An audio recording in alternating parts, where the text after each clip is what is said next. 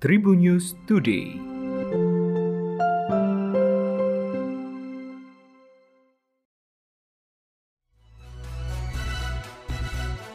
Halo Tribuners, berjumpa lagi bersama saya Delta Gonzales dalam Tribun News Today untuk edisi hari ini. Pertama dari berita nasional, Presiden Joko Widodo atau Jokowi meminta pembukaan kegiatan sekolah tatap muka dilakukan dengan sangat hati-hati. Hal ini menyusul melonjaknya kasus COVID-19 di sejumlah daerah, di antaranya Kudus dan Bangkalan di Jawa Timur. Sekolah tatap muka rencananya akan dilakukan pada Juli mendatang. Kegiatan belajar mengajar yang awalnya dibatasi maksimal 50% dari kapasitas, kini diperketat menjadi 25%. Selain pembatasan kapasitas, durasi sekolah tatap muka juga dibatasi. Sekolah hanya boleh dilakukan maksimal 2 jam setiap harinya dan tidak boleh lebih dari dua hari selama seminggu. Dengan demikian, Menkes meminta kepala daerah untuk memprioritaskan vaksinasi bagi tenaga pendidik selain kepada lansia. Meghan Markle, istri Pangeran Harry, baru saja melahirkan anak keduanya. Dengan lahirnya anak yang diberi nama Lilibet Diana Mountbatten Windsor itu, ada sedikit perubahan dalam garis suksesi kerajaan Inggris. Pangeran Harry berada di urutan ke-6 setelah dua anak Pangeran William, dan Kate Middleton yakni Putri Charlotte dan Pangeran Louis. Pangeran Charles adalah perwaris tahta saat ini diikuti oleh anak laki-laki pertamanya, Pangeran William dan kemudian cucunya Pangeran George. Suksesi tahta diatur tidak hanya melalui keturunan, tetapi juga oleh undang-undang parlemen.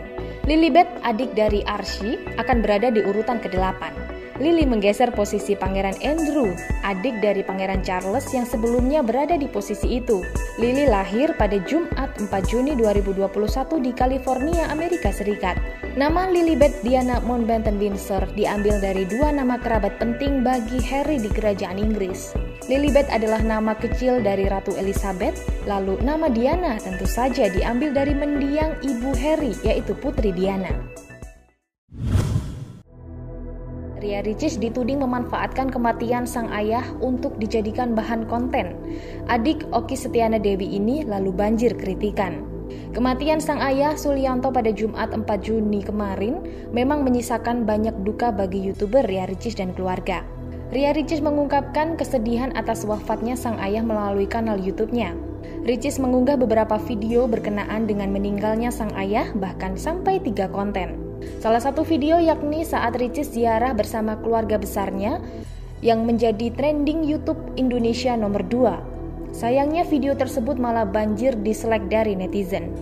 Ricis juga disentil terlalu komersil karena memasang AdSense di sejumlah konten terkait kematian sang ayah. Kritikan untuk Ria Ricis datang dari salah seorang pegiat sejarah yaitu Saddam Hussein. Dia menuding apa yang dilakukan Ria Ricis adalah sehina-hinanya cara dalam mendulang traffic. Tak sampai di situ saja, rupanya aksi Ria Ricis yang dituding konten itu justru menyeret nama sang kakak, yakni Oki Setiana Dewi. Tak sedikit warganet ikut mengkritik Oki yang berprofesi sebagai pendakwah. Hingga kabar ini dirilis belum ada tanggapan maupun klarifikasi dari pihak Ria Ricis. Dari kabar olahraga, Gilang Widya Pramana saat ini resmi menjadi presiden baru Arema FC.